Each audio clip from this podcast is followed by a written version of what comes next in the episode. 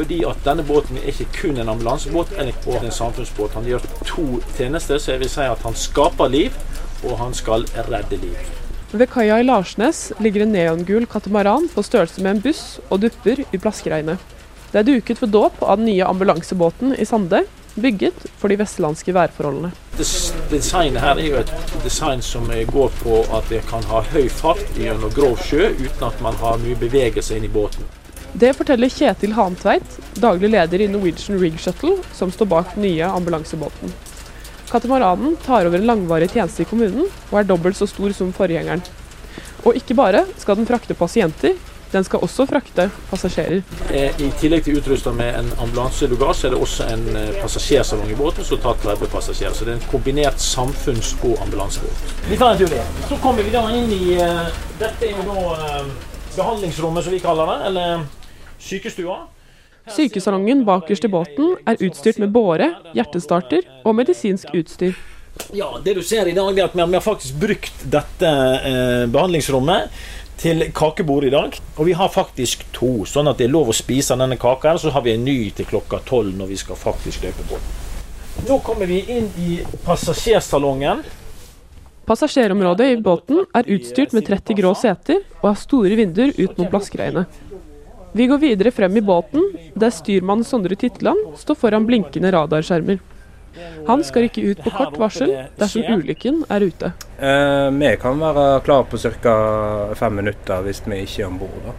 Vi har jo eh, leiligheter rett her borte, så vi, vi står eh, standby og er klare. Og at et slikt tilbud har stor verdi for øykommunen Sande, det kan varaordfører Einar Ekroll bekrefte. Det har blitt en stor utfordring i våre dager å knytte sammen kommuner. Da er denne multibåten det er helt nødvendig. Det som heter Liv, men den burde kunne hete Lim. Varaordføreren forteller at Sande har hatt kystbåter som har tatt seg av syketransport i 100 år. Og Dette her er et nytt kvantesprang med, med sånne tjenester. Når det bare er smuler igjen av kaka, er det tid for dåp utendørs. Folk har samlet seg tett i tett langs båtrampen for å se, og på kaia spiller Gursken skolekorps om kapp med regnet.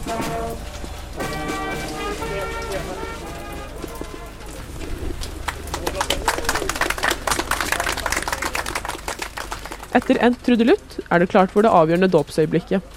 Flaskeknusingen. Det sånn, Jeg har aldri gjort noe sånt før. Og så håper jeg at jeg klarer å slå denne flaska på første forsøk. 14 år gamle Emilie Tune Hantveit er dattera av daglig leder Kjetil, og er valgt som gudmor for båten. Bunadskledd fra topp til tå holder Emilie seg tørr under paraplyen, men båten den skal nå dynkes i champagnesprut. Du bare smeiser til når du er klar. Nå? Ja. Herregud. Det går fint. Det går fint. Flasken dunker mot aluminiumssiden, men knuser ikke. Med et hardt tak prøver Emilie en gang til.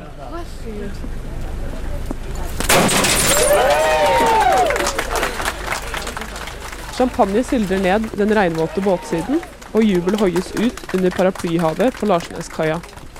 Ja, og liv, det ble det. Det var